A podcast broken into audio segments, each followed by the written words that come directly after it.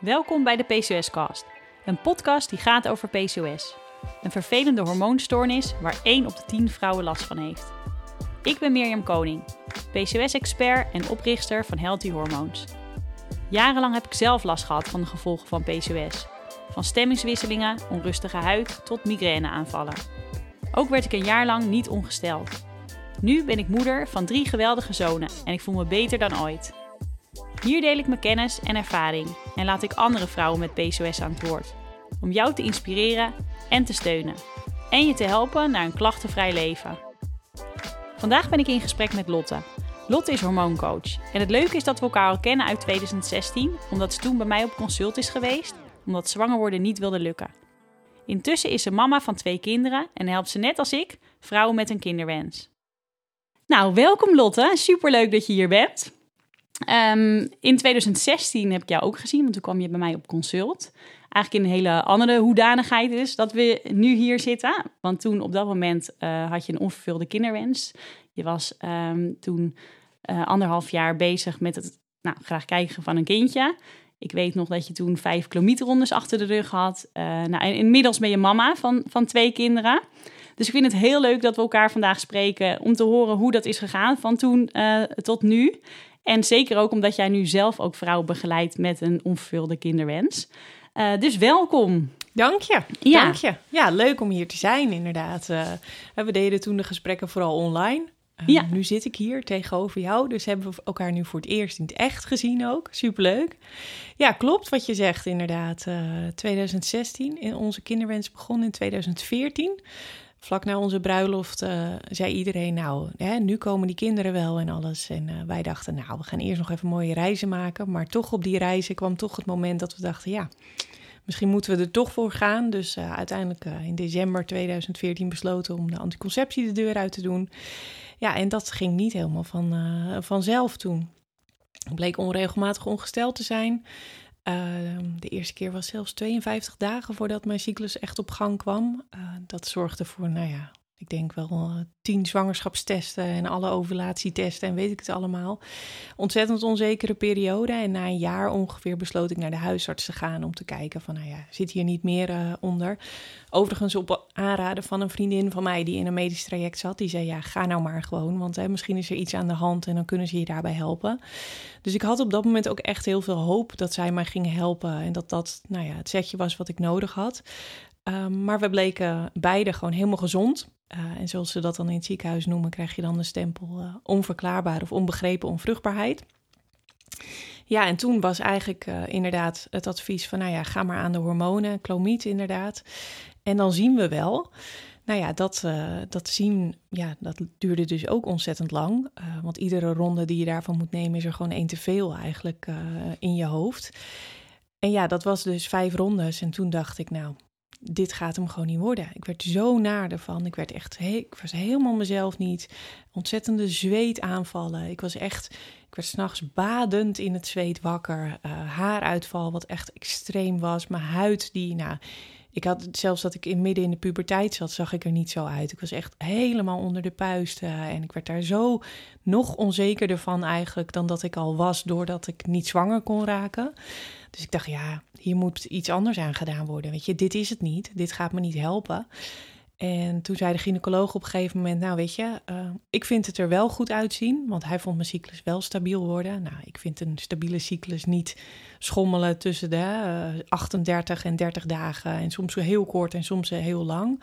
Hij vond van wel, want hij vond dat het beter werd. En dacht ik: Nee, dit is het gewoon niet. Er moet meer maar zijn. Maar dat was met klomiet dan, of niet? Die, ja. Dat hij vond dat je cyclus regelmatiger werd. Ja, hij vond dat het al beter werd, omdat ik dus niet meer rond die 50 dagen zat. Uh, en dat is ook zo natuurlijk, hè. het werd korter, uh, maar het werd niet stabiel. Het was niet steady, gewoon hè, uh, 30, 31 dagen. Nee, ik wist nog steeds niet precies wanneer ik ongesteld werd eigenlijk. Dus dat was nog steeds wel een puntje. En toen dacht ik, ja, Weet je, als dit is waar ik aan geholpen word in het ziekenhuis, dan ik werd voor mijn gevoel niet genoeg geholpen in ieder geval. Dus toen dacht ik, ja, er moet meer zijn. Er moet iets in mijn lichaam niet goed zijn waardoor dit zo werkt. Want ja, dit kan gewoon niet zomaar gezond zijn. Ja. En nog even terug naar dan dat, eigenlijk dat eerste jaar. Want heb je dus echt een jaar gewacht voordat je naar de arts stapte? Want dat vind ik eigenlijk al knap dat je gewoon een jaar uh, met proberen, zeg maar. Nou, het was ongeveer tien maanden Uh, ik weet nog dat ik rond oktober, ik ben dus in december, heb ik de pil weggegooid. Dus nou ja, zeg maar vanaf januari dan gestart daarmee. En ik weet dat ik rond oktober zat ik in het restaurant, in een restaurant met die vriendin. En zij heeft er zeven jaar over gedaan om een kindje te krijgen via IVF. Dus zij zei toen tegen mij van, nou ja, uh, je bent nu uh, al ruim een jaar getrouwd. Hoe zit het eigenlijk met die kinderwens? Zo'n lekkere bold ja, opmerking. Ja. Um, maar Wel, zij zou eigenlijk moeten weten hoe het is, maar goed. Ja, maar daarom voelde het misschien bij haar ook wel heel oké of zo. Dat was eigenlijk de eerste keer dat ik erover ging praten met iemand. Uh, en zij zei toen tegen mij van, nou ja, misschien moet je gewoon een afspraak maken. Dus toen heb ik daar wel nog even over nagedacht. En ik denk dat ik zo eind oktober naar de huisarts ging. Waar ik overigens ontzettend in tranen uitbarstte. Terwijl ik voor die tijd helemaal niet daar zo mee bezig was, dacht ik. Uh, maar toen moest ik ontzettend huilen. En ik denk dat dat mijn geluk is geweest ook. Dat de huisarts toen dacht, oké, ik ga jou wel doorverwijzen, want er zit iets wat gewoon niet goed is.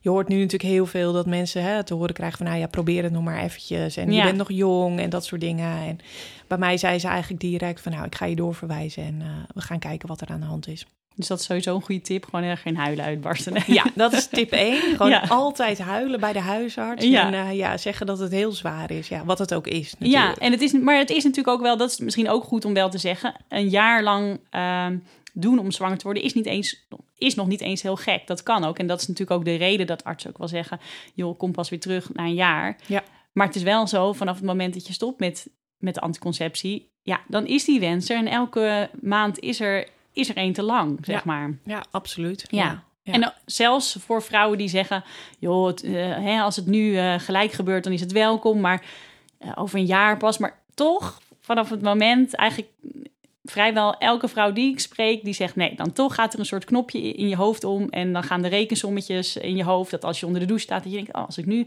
zwanger dan over negen maanden, dan, nou, dan is het zomer en dan, nou, dat zou mooi uitkomen. Oh, dan niet, want dan kunnen we misschien net niet op vakantie. Nou, die dingen, denk ik, nou, is dat voor jou herkenbaar? Ja, absoluut. Ja, wij zeiden tegen elkaar. Ik weet echt precies waar we nog stonden. We waren in december heb ik dus mijn pil weggegooid op wintersport, want we dachten, oh, dat is handig na de wintersport, want dan kan je op wintersport nog wel gewoon apres skiën en dat soort dingen.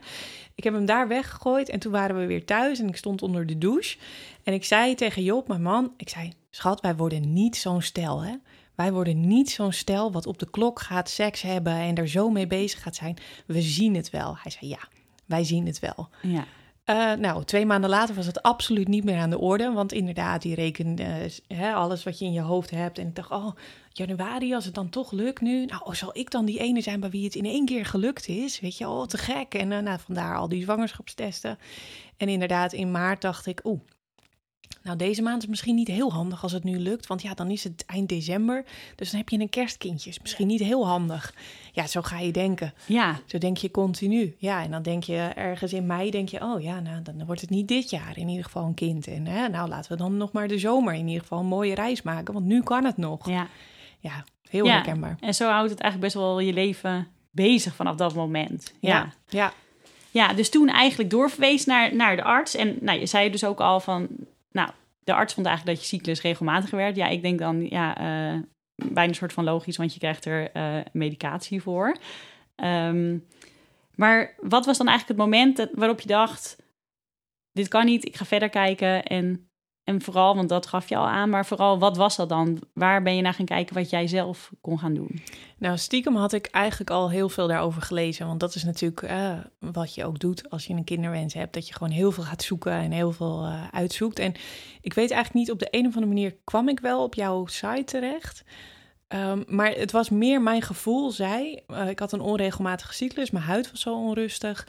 En uh, mijn schoonheidsspecialiste zegt altijd tegen mij: Joh, jij hebt best wel veel haar. In die zin dat hè, als ik ging uh, lezen, dat ze zei: Ja, nou, je bent best wel, ik ben hartstikke blond, maar je hebt best wel donker haar. En er werd bij mij geen PCOS vastgesteld, maar ik vond dat ik toch die drie ja, raakvlakken had, zeg maar, met PCOS. Toen dacht ik, ja, zit daar niet iets onder? Weet je, die onregelmatige cyclus, best wel harig. Ja, dat klinkt, klinkt heel uh, heftig daarin, maar dat was gewoon mijn eigen gevoel. Toen dacht ik, ja, daar zit gewoon iets in. Dus daar ben ik verder op gaan zoeken.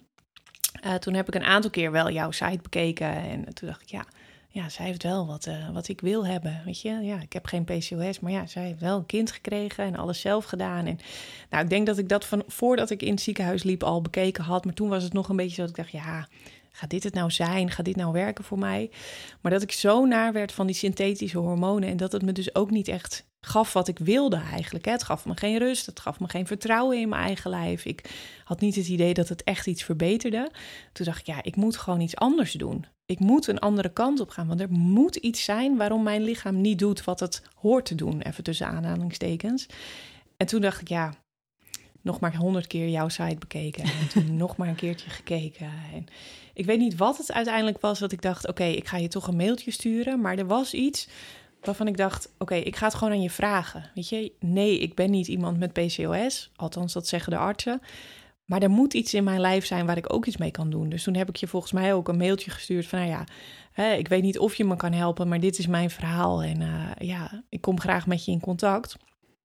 En eigenlijk vanaf het moment dat ik dat mailtje stuurde, gaf het me ook een soort rust of zo. Dat ik dacht: oké, dit is de eerste stap naar iets waar ik wel zelf controle op ga hebben. En waar ik wel zelf mee aan de slag kan. In plaats van iedere maand afwachten. Als het niet gelukt was, weer bellen naar het ziekenhuis. Uh, alleen mijn geboortedatum doorgeven en weer een setje pillen ophalen ja, dat, dat was zo voor mijn gevoel heel afwachtend. En ik ben nogal een controlfreak. Ik vind het lekker om dingen hè, zelf onder controle te hebben.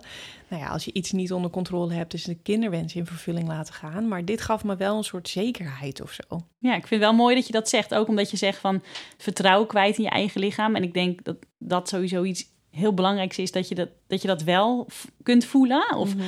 of wat jij zegt, dat je het idee hebt dat je zelf nog een beetje aan die teugels kunt trekken. En nou, wel mooi dat je zegt dat eigenlijk door, door alleen een mailtje al te sturen, dat je eigenlijk het gevoel had, hé, hey, nu, nu ben ik weer een beetje in control. Ja. Ja. Nou, toen ben je bij mij geweest inderdaad, of we hebben inderdaad via uh, online hadden we de afspraak. Uh, en toen heb ik jou dus ook advies gegeven. Um, wat was voor jou het lastigst aan de hand van het advies dat ik je heb gegeven? Waar liep jij tegenaan? Ik denk in het begin vooral dat ik het gevoel had dat ik het eigenlijk allemaal wel goed deed dat ik dacht, oh ja, maar weet je, wat is dan die grote verandering die ik moet doen? Um, ik ben altijd slank, hè, altijd slank geweest. Ik ben heel erg altijd met gezond eten bezig. Uh, dus ik dacht, nou ja, ik weet het eigenlijk allemaal wel en ik doe het eigenlijk allemaal wel goed. En dat wij met elkaar in gesprek waren, zag ik eigenlijk gewoon allemaal, dacht ik, nou, dit zijn eigenlijk kleine dingetjes. En dat voelde voor mij toen dat ik dacht, oké, misschien is dit dan niet wat me gaat helpen. Achteraf gezien waren juist al die kleine dingetjes die ik eh, moest veranderen, waren juist die mega stappen gewoon. Maar toen dacht ik, nou oké, gaat dit me dan echt wel helpen en is dit het eigenlijk? Uh, voorbeeldje, ik nam nooit uh, lactose eigenlijk al. Hè. Ik gebruikte geen, geen yoghurt en dingen, omdat ik dat allemaal al gelezen had. Maar ik gebruikte soja yoghurt nou ja, jij vertelde me dat, hè, dat hem niet de juiste keuze was op dat moment voor mijn lijf, omdat dat nog weer nou ja, andere hormonen bevat die weer een verstoring uh, verzorgen. En toen dacht ik, oh, oké, nou ja, dan gooi ik die er wel uit. Maar ja, is dat het dan? Ja, ja is misschien dan wel goed om uit te leggen, want in, ik adviseer inderdaad vaak, het hangt ook wel weer per persoon af hoor, maar uh, vervang niet al je gewone zuivelproducten voor sojaproducten. Daar zitten fyto-oestrogenen in. Nou, dat lijkt heel erg op oestrogeen wat in je lichaam zit, het vrouwelijk hormoon. En dan kan eigenlijk die fyto-oestrogeen ervoor zorgen dat je verhoogd oestrogeenniveau hebt. En eigenlijk bij jou zagen we ook dat oestrogeen ten opzichte van progesteron, mocht progesteron juist wel wat omhoog. En dat oestrogeen dat dan dus in verhouding wat naar beneden. Nou, als je dan alles vervangt door soja, dan kan dat inderdaad effect hebben. Dat is misschien even goed dan uh, om uit te leggen. Ja. En uh, dat, ja, wat jij ook zegt, kleine dingetjes. En soms is dat is het ook vaak. En ook vaak proberen. Het is een soort van, ja, ik leg het meestal uit aan de hand van, je gaat aan kleine knopjes draaien. En dan elk knopje moet, nou, die ene net iets meer dan de ander. En, en dat gaat het verschil maken. Dat kan gaan zorgen voor dat je hormonen verder in balans komen. Ja. Maar wel ook leuk om te horen eigenlijk dat je zegt van, ja, juist dat ook, dat ik dacht van, hè, maar ik doe het toch al goed. Dat dat misschien ook in het begin wel juist het lastiger maakte. Ja, dat ik gewoon het klinkt altijd heel makkelijk, net als als je af wil vallen, dat je denkt: oké, dan ga ik dat crash dieet doen en ik ga maar 1200 kilo uh, calorieën eten per dag. Want dan lukt het wel. Dat klinkt veel makkelijker. Dan behaal je sneller resultaat of zo. En nu had ik het idee van: nou, oké, okay, er is dus niet heel veel wat ik nog anders kan doen. Ik doe het al zo goed. Maar ja, achteraf gezien heb ik ontzettend veel dingen aangepast en ontzettend veel dingen gewijzigd, maar met hele kleine stapjes. Ja, waardoor het wel vol te houden is in ja, ik ben ook niet van alles radicaal omgooien. En soms gebeurt het ook. Want ik, ik heb ook, ik noem dat, dat is het, uh, het broodje hagelslagtype noem ik dat. Uh, dat is degene die nog ontbijt met s ochtends broodje hagelslag, s middags broodje hagelslag en s'avonds aardappelgroent vlees eet. Nou, die zijn er ook, maar eigenlijk zijn er steeds meer vrouwen die eigenlijk al best wel bewust zijn uh, van, van wat ze eten. En dan is het vaak net niet op de goede manier of net niet de goede combinaties of de timing van het eten. Dan zijn het inderdaad kleine dingen die beter kunnen, wat wel een heel groot effect kan hebben op die hele hormoonbalans. Ja, ja. Nee, absoluut. Dat merkte ik ook gewoon echt direct. Even een iets andere lunch, uh, een iets ander ontbijt. Hè? Wat meer focus op extra groenten erin. En nou ja, gewoon kleine dingetjes eigenlijk. Uh, ik weet ook nog dat jij tegen me zei: Ja, hoe zit het met je stresslevel? En dat ik zei: Ja, ik heb niet zo heel veel stress. En toen ging je doorvragen daarop. En toen zei je van ja, maar uh, als het dus niet gelukt is, wat doe je dan? dus op het moment dat je ongesteld bent geworden, wat doe je dan? Ja, dan ga ik zoeken. Dan ga ik hè, op internet uh, alles lezen en alles doen. En uh, voor de zoveelste keer dat FIFA-forum van 2007 mm. nog eens een keertje erbij pakken. En dat allemaal doorlezen. Toen zei je, maar dat is ook stress. En toen dacht ik, oh, is dat ook stress? Oké, dat voelt dan op dat moment dat je denkt: oh, weet je, anderen hebben dit ook en dat voelt dan lekker. Totaal niet bewust van het feit dat ik daarmee natuurlijk ook stress in mijn lijf aan het brengen was. Dus dat zijn allemaal kleine dingetjes ook weer geweest die mij zoveel bewuster hebben gemaakt van wat er speelt in, in je lichaam allemaal. Eh. Ja. Ja. ja, mooi. Ja, stress is bij heel, ik denk, nou, bij iedereen speelt dat wel een rol op een bepaalde manier. Want stress is dan zoveel, ja, niet de juiste voeding is stress. En nou, werk-privé-stress, daar denken we standaard aan. Maar ja, de manier van sporten, heel veel dingen zijn eigenlijk een vorm van stress voor je lichaam. Ja. ja. Nu je dit zegt, denk ik ook, ja, ik was toen ook nog begonnen met hardlopen vlak daarvoor. En toen zei jij ook tegen me van, nou, doe maar even niet. Ik had weer ergens gelezen dat hardlopen heel goed was hè, eh, als je zwanger wilde worden. Dus ik dacht, nou, dat ga ik doen. Ik vond het ontzettend stom, want hardlopen is gewoon eigenlijk helemaal niet leuk, als we heel eerlijk zijn. Maar toen zei jij, nou, doe maar even niet. Zoek maar wat andere dingen hè, daarin. Eh, er zijn gewoon veel uh, qua beweging andere opties die beter zijn. Nou, sindsdien heb ik die hardloopschoenen ook niet meer aangeraakt. Dus ja, en vooral ook, ja, ik denk vooral doen wat je leuk vindt. Dat, want dat is eigenlijk een manier, ja, tegen je zeggen: je mag geen stress meer hebben. Dat is een beetje een dooddoener. Ja. Maar ga dingen doen die je leuk vindt. Dat kan wel. En als je daar dan tijd voor vrijmaakt, dan is dat eigenlijk een moment waarop je even geen stress ervaart. Ja, en dat draagt dan weer positief bij. Ja. Maar ehm, ik ben wel benieuwd van wat, waaraan merkte je dat het beter ging? En, en heb je dan, um, was je toen eigenlijk ook gestopt met het medisch traject of ben je daar nog mee doorgegaan toen? Nee, ik ben er wel mee doorgegaan. Ehm, puur omdat ik gewoon het resultaat wilde behalen. Ik wilde gewoon zwanger worden en ik dacht, ja, het, het kan elkaar alleen maar ondersteunen daarin. Um, dus dat ben ik wel doorgegaan. Dat was overigens de laatste ronde met Clomiet ging ik toen in. En daarna zouden we voor IUI uh, uh, in aanmerking komen. En dat was het moment, zeg maar, dat ik met jou aan de slag ging daarin. Uh, volgens mij zat ik midden in die vijfde ronde toen dat wij starten. Ja, klopt. Toen zou ik nog een zesde ronde hebben. Ja, dat klopt inderdaad, uh, wat ik nu zeg. Uh, maar waar ik het direct aan merkte, eigenlijk was mijn energie. Echt binnen een aantal dagen al gewoon dat ik niet meer die vier uur dip had. Dat ik gewoon de hele dag dacht, nou, het voelt eigenlijk lekker licht of zo. Niet zo'n ja, blok op je maag hebben. Uh, ik merkte gelijk dat mijn haaruitval veel minder werd. Dat is overigens nog steeds een puntje bij mij waaraan ik merk hè, dat het qua hormonen dan weer wat schommelt. Um, nou ja, uh, dingen als mijn huid die uiteindelijk rustiger werd. Uh, de eerste maand dat wij aan de slag gingen met elkaar en ik dus ook nog steeds klomiet slikte, uh, toen kreeg ik voor het eerst een cyclus die onder de 32 dagen zat. dus dat was voor mij al dat ik dacht, hey, wat gebeurt hier? Ik had veel minder last eigenlijk. Voelde me veel lekkerder daarin. Um, en dat was ook voor het eerst dat ik een beetje blij was dat ik ongesteld werd. Ik was natuurlijk al nou ja, bijna twee jaar bezig.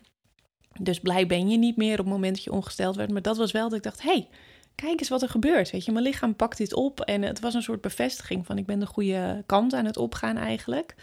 En uh, toen ben ik eigenlijk gewoon ook gewoon doorgegaan. Ik ben steeds meer dingen aan gaan passen. En ik werd er gewoon heel enthousiast van.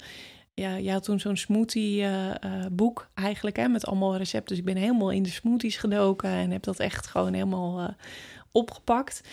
En de tweede maand ja, zou ik eigenlijk nooit weten wat het resultaat uh, toen was qua cyclus. Want de tweede maand bleek ik zwanger te zijn. Voor het eerst in dus bijna twee jaar. Ja, ja toch fantastisch. Ja. ja. Nou, ik denk ook, ik voel ook helemaal een beetje dat enthousiasme bij je. En ik denk dat dat dus ook zo belangrijk is. Dat je echt het gevoel hebt, yes, weet je, het werkt voor mij. En dat je dan het vertrouwen ook terugkrijgt. Ook dat je zegt van, zelfs toen ik ongesteld werd, was het niet dat negatieve gevoel van, oh, ik moet nu weer gaan googlen wat ik allemaal moet doen. Maar van, oh yes, hij, het is gewoon korter. En ja. Het geeft gewoon heel veel vertrouwen. Het gaf mij echt ontzettend veel, ja, nou ja, vertrouwen zei ik net al, maar ook gewoon heel veel richting of zo. En dat je dan, weet je, je kan zoveel medicijnen slikken en zoveel pillen slikken en dan maar afwachten. Dit was voor mij gewoon echt, ik ben zelf iets aan het doen, ik kan zelf hier controle op hebben. En dat gaf me gewoon zoveel rust ook gewoon. Ja. Dat was echt heel fijn. Nou, en zo snel al met supermooi resultaat. Ja. Toen heb je een prachtige dochter gekregen. Ja. Ja. En ehm, dat was volgens mij ook het moment daarna, na je zwangerschap, dat je bedacht van... hé, hey, hier wil ik zelf iets mee gaan doen. Want ik weet nog dat ik toen ook een mailtje van jou heb gekregen... dat je toen uh, na je borstvoedingsperiode wilde je nog weer de teugels weer wat, uh, wat aantrekken. Ja. En dat we toen ook gemaild hebben. En toen gaf je ook aan van nou, uh, misschien ook leuk om, om te laten weten... Ik, ik wil zelf ook een opleiding gaan doen. Nou, alleen maar super tof. Er zijn zoveel vrouwen die in dit schuitje zitten. Dus ik denk dat, nou, mogen, kom erop met al die coaches ja, vertel daarover. Wat was voor jou het moment dat je dacht, ja, ik, ik moet vrouwen eigenlijk zoals ik zelf, moet ik gaan helpen? Dat was eigenlijk uh, inderdaad wat je zegt na mijn borstvoedingsperiode. Ik heb mijn dochter uh, negen maanden borstvoeding gegeven. En daarna kwam vrij snel mijn cyclus op gang. En daar was ik super blij mee. Echt gewoon trots op mijn lijf. Ik dacht, ja, je hebt nu en een kindje gemaakt. En ik heb het negen maanden mogen voeden. En dan werkt het dus nu weer. Uh, maar werd direct weer wat of onrustig, uh, onregelmatig eigenlijk. Ik, de eerste keer was het wat lang dat er tussen zat, zo rond de 40 dagen. En toen dacht ik eigenlijk gelijk, weet je, ik ga dit gelijk aanpakken. Want ja, als je net bevallen bent, heb je weinig tijd uh, om op eten te letten. ik heb de eerste weken geleefd op beschuit met muisjes, omdat ik dat super lekker vond. Nou, je hormonen zijn echt nog een drama, dus ook je drang naar eten is gewoon heel anders. En toen dacht ik, weet je, ik ga dit gewoon preventief aanpakken. Uh, omdat onze eerste zwangerschap nou ja, twee jaar op zich liet wachten, hadden we wel met elkaar besproken van weet je, uh, we gaan het zien. Ik ga in ieder geval geen anticonceptie meer gebruiken. En mocht er een tweede kindje zomaar komen, dan is dat hartstikke welkom. Maar door die onregelmatige cyclus dacht ik, ja, ik moet hier gewoon gelijk iets mee doen. Uh, dus toen heb ik jou inderdaad gemaild, want ik ben af en toe een beetje chaotisch. Dus toen was ik mijn uh, advies van jou al kwijtgeraakt. dat ik jou gemaild van, hey, heb, je dat, heb jij dat advies nog? Uh, zodat ik daarmee gewoon weer uh, nou ja, alles op gang kan brengen. Dat heb ik toen gelijk weer toegepast. ben ook weer de juiste supplementen gaan slikken. En toen bleek eigenlijk vrij snel mijn cyclus dus steady te worden weer. Hij ging van, vier, van 40 dagen gelijk naar 30 dagen. dat was heel fijn. En ook hierbij weet ik eigenlijk daarna niet meer zo heel goed hoe het ging. Want ik heb dat Even denken hoor, ik heb tot en met januari mijn dochter borstvoeding gegeven. En ik kwam er 15 augustus achter dat ik zwanger was van onze zoon. Dus uh, ja, dat was eigenlijk gewoon het, het mooiste resultaat wat ik gewoon kon behalen. Dat ik gewoon direct zwanger raakte van ja. de tweede. En ik vind dat nog steeds echt een ontzettend cadeautje. Dat ik gewoon mijn lichaam zo heb weten te herstellen. En daardoor ook een zwangerschap mee heb mogen maken die gewoon ontstond. In plaats van al die ellende van het naar het ziekenhuis gaan, naar het ziekenhuis bellen. Nou, helemaal een beetje buiten jezelf treden eigenlijk. Om dat gewoon in vervulling te laten gaan. Dat ik dit zo mee heb mogen maken. Dat hij gewoon, ja, ik, ik was gewoon zwanger. Ja, hij kwam echt al, ja, gewoon echt een cadeautje. Ja, daarvoor ik kan me echt voorstellen, dan, dan je agenda gaat, staat helemaal in het teken van, van die kinderwens. Ja. En, en nu, doordat je gewoon anders weer ging, of eigenlijk gewoon weer hoe je ook at, maar met weer die kleine aanpassingen dat je cyclus op gang kwam en dan, yes, ja. natuurlijk zwanger. Daar was hij gewoon in één ja. keer. Ja, hij was dus gewoon, ja, het was gewoon zo. En daarvoor was ik er wel al mee bezig om inderdaad hier zelf ook iets mee te gaan doen. Uh, maar dat ik, ja, dat ik dat toen wist, dat ik zwanger was, toen dacht ik, ja, dit kan toch niet anders. Dit kan geen toeval meer zijn. Ik moet gewoon dit verhaal vertellen en hier andere vrouwen mee helpen. Want er zijn zoveel vrouwen die hiermee worstelen. Dat alleen al weten dat hè, andere mensen, zoals jij en ik, een resultaat hebben behaald door kleine aanpassingen te doen uh, die bij ons lijf passen. En dat, dat je daar gewoon zwanger mee kan raken. En natuurlijk zijn er altijd gradaties, hè? want er zijn natuurlijk ook mensen waarbij medisch heel veel aan de hand is en waar het fantastisch is dat de medische wereld ze kan helpen. Uh, maar je kan ook altijd ervoor zorgen om je lijf sterk genoeg te krijgen, om daarmee gewoon altijd je kansen te vergro vergroten. Ja, dus dat, dat wilde ik gewoon heel graag verder brengen. Dus toen ben ik gaan studeren. Ja, echt super tof. En, en ook, ik ben ook niet uh, anti het medische circuit, want het is zeker goed dat het er is. En ook, ook voor vrouwen die bij wie die kinderwens zo groot is en geen tijd hebben om te wachten voor een gevoel, zeg ik ook, ja, nou doe dat. Maar ga ook, eigenlijk net als wat jij deed, maak ook zelf aanpassingen. Zorg dat je lichaam klaar is om, om, een, om een kindje te kunnen dragen en een zwangerschap te kunnen uh, volbrengen. Want uh, op het moment dat dat niet zo is, dan zal je zien dat het medische traject ook veel langer duurt. Dus ja. ja. Ja, ik geloof heel erg in dat het elkaar kan ondersteunen. Ja, precies. Echt, het een hoeft het ander niet uit te sluiten. En als jij je oké voelt bij wel een medisch traject doen, dan moet je dat doen. Ik snap het volledig. Hè? Ik wilde zelf ook niet afwachten en alleen maar gewoon, ja, je gaat toch als eerste naar de, naar de arts toe eigenlijk. Uh, maar ik denk dat je absoluut ook de kracht van je eigen lichaam niet moet onderschatten. Want het is zo'n biologisch proces. En hoeveel jij gewoon investeert in je lichaam, dat komt er op wat voor manier dan ook, komt dat er gewoon uit. En dan, ja, dan zal je zien dat het gewoon uh, verbetert. Ja, nou, ik denk dat dat ook een hele mooie is om het gewoon te zeggen. Als je in dat medische circuit zit, probeer zelf weer uh, ook niet alleen maar langs de zijlijn te staan, maar het gevoel te hebben dat je er dat je ook zelf er invloed op kunt hebben. Ja. Ja. ja. Dat, ja, juist die combinatie dat dat het zo sterk maakt. Ja. Ja. Ja, en nu dus uh, je eigen uh, praktijk. Ja, super tof. Um, ik ben wel benieuwd wat, wat jouw tip is voor die vrouwen die nu eigenlijk op dit moment in, in jouw situatie van 2016 zitten. Al langer bezig met een kinderwens en het wil maar niet lukken. Wat is jouw ultieme tip? Mijn ultieme tip? Nou, eigenlijk heb ik er dan heel veel. Maar wat ik vooral het allerbelangrijkste vind, is dat je heel goed bij jezelf nagaat. Hoe voelt het voor jou? Weet je, als ik naar mezelf kijk, ik ben op die medische trein gesprongen eigenlijk en ben doorgedenderd. Uh, maar kijk vooral eens hoe het allemaal voelt. Wat er gebeurt er allemaal? Ben je oké hiermee? Je? je hoeft niet alleen maar de richting op te gaan die de artsen zeggen. Je kan zelf ook echt veel dingen doen, maar blijf vooral bij jezelf. Als jij het gevoel hebt dat er bepaalde dingen nog niet goed zijn en dat je daar niet genoeg gehoord wordt in het ziekenhuis, en ga dan op zoek naar iets of iemand waar je je wel gehoord voelt. En het, het is niet zweverig, het hoeft niet zweverig te zijn. Soms zijn het net die kleine dingen die je gewoon echt even waar iemand je ogen voor moet openen, zodat je daar gewoon goed mee aan de slag kan. Klinkt misschien een beetje wazig wat ik nu zeg, maar zoals voor mezelf, hè, ik vergat eigenlijk altijd dat die onrustige huid en dat haaruitval, dat dat niet oké is, dat dat niet hoeft. Ik dacht, nou ja, dit hoort erbij, maar weten dat je gewoon daar met je lichaam veel meer aan kan doen en dat het niet normaal is, ja, dat was voor mij gewoon echt iets wat mijn ogen opende en wat ik gewoon andere vrouwen ook gun. Als je nu klachten hebt waarvan je denkt, oh, hier voel ik me niet lekker bij, uh, dit wil ik anders. Je kan er zoveel aan doen en hou gewoon echt je ogen open en ga daarmee gewoon echt aan de slag uh, zelf. Ja. En ik denk daarbij ook nog, maak het niet te groot. Weet je, die kinderwens is al zo groot. Die is al zo onderdeel, wat jij zei, hè? je stelt je hele agenda eigenlijk daarop in. En dan al aanpassingen doen qua voeding en zo. Dat klinkt soms ook heel heftig. Van oh, dan moet ik heel veel nog doen en ik heb het al zo druk in mijn hoofd. Het mag helemaal niks meer. Ja, dat idee. Maar weet je, die kleine dingen, wat we net al, die, die voorbeelden die we gaven, die zijn zo waardevol. En daar kan je al zoveel uithalen. Dus begin gewoon met kleine stapjes en maak het gewoon haalbaar voor jezelf. Ja, ja dus ook op een manier waar je goed bij voelt.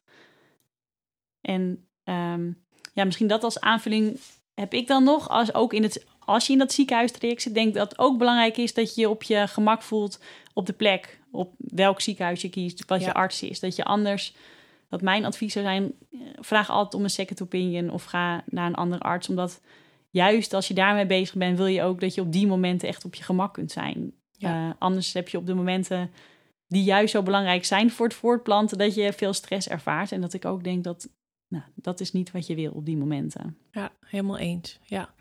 ja. Het is gewoon eigenlijk een beetje wat we beide zeggen. is gewoon hè, pak de regie, want het is jouw traject. Gewoon. Ja. Blijf gewoon dicht bij jezelf en pak zelf gewoon die regie. Ja, ja. ja mooi. Um, als allerlaatste ben ik nog benieuwd, is er een boek dat je iedereen aanraadt om te lezen? Oeh, goede vraag. Um, er zijn wel een aantal boeken die ik zelf heel fijn vind om te lezen. Uh, ligt een beetje aan waar je staat, zeg maar, wat je wil lezen. Wat ik zelf echt hele fijne boeken vind, zijn de boeken van uh, Macy Hill. cyclusstrategie en hoe heet die andere ook weer? Hormoonrevolutie, volgens mij. Ja, dat vind ik hele fijne boeken, maar die zijn wel heel technisch. Dus daar zit heel veel hormoon uh, ja, achtergrond in, zeg maar. Dus ik vind dat lekker lezen. Maar goed, ik heb natuurlijk meer hormoonachtergrond nu. Um, wat ik ook heel praktisch vind, altijd zijn de boeken van Vivian Reis. Uh, herstel je hormonen in 10 stappen bijvoorbeeld, vind ik echt een fijne.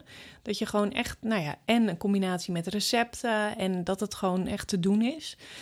Uh, ja, ja, dat die leest wat makkelijker weg. Ja, ja. ja Macy Hill is wel echt wat meer achtergrondinformatie, maar daardoor ook wel wat heftiger uh, kan die overkomen. En Vivian Reis is gewoon wat praktischer daarin. Dat vind ik wel echt twee, uh, twee goede tips daarin. Ja, leuk. Ja. En waar, uh, waar kunnen we jou vinden? Oh ja, dat is ook een goede. Uh, je kan me vinden op Fitter. Dat is de naam van mijn bedrijf, V-I-T-H-R. en dat is dan www.fitter.nl. Of via Instagram op instagram.com slash lotte en dan middenstreepje fitter. Nou, superleuk. Dankjewel. Graag gedaan. Ik vond het leuk.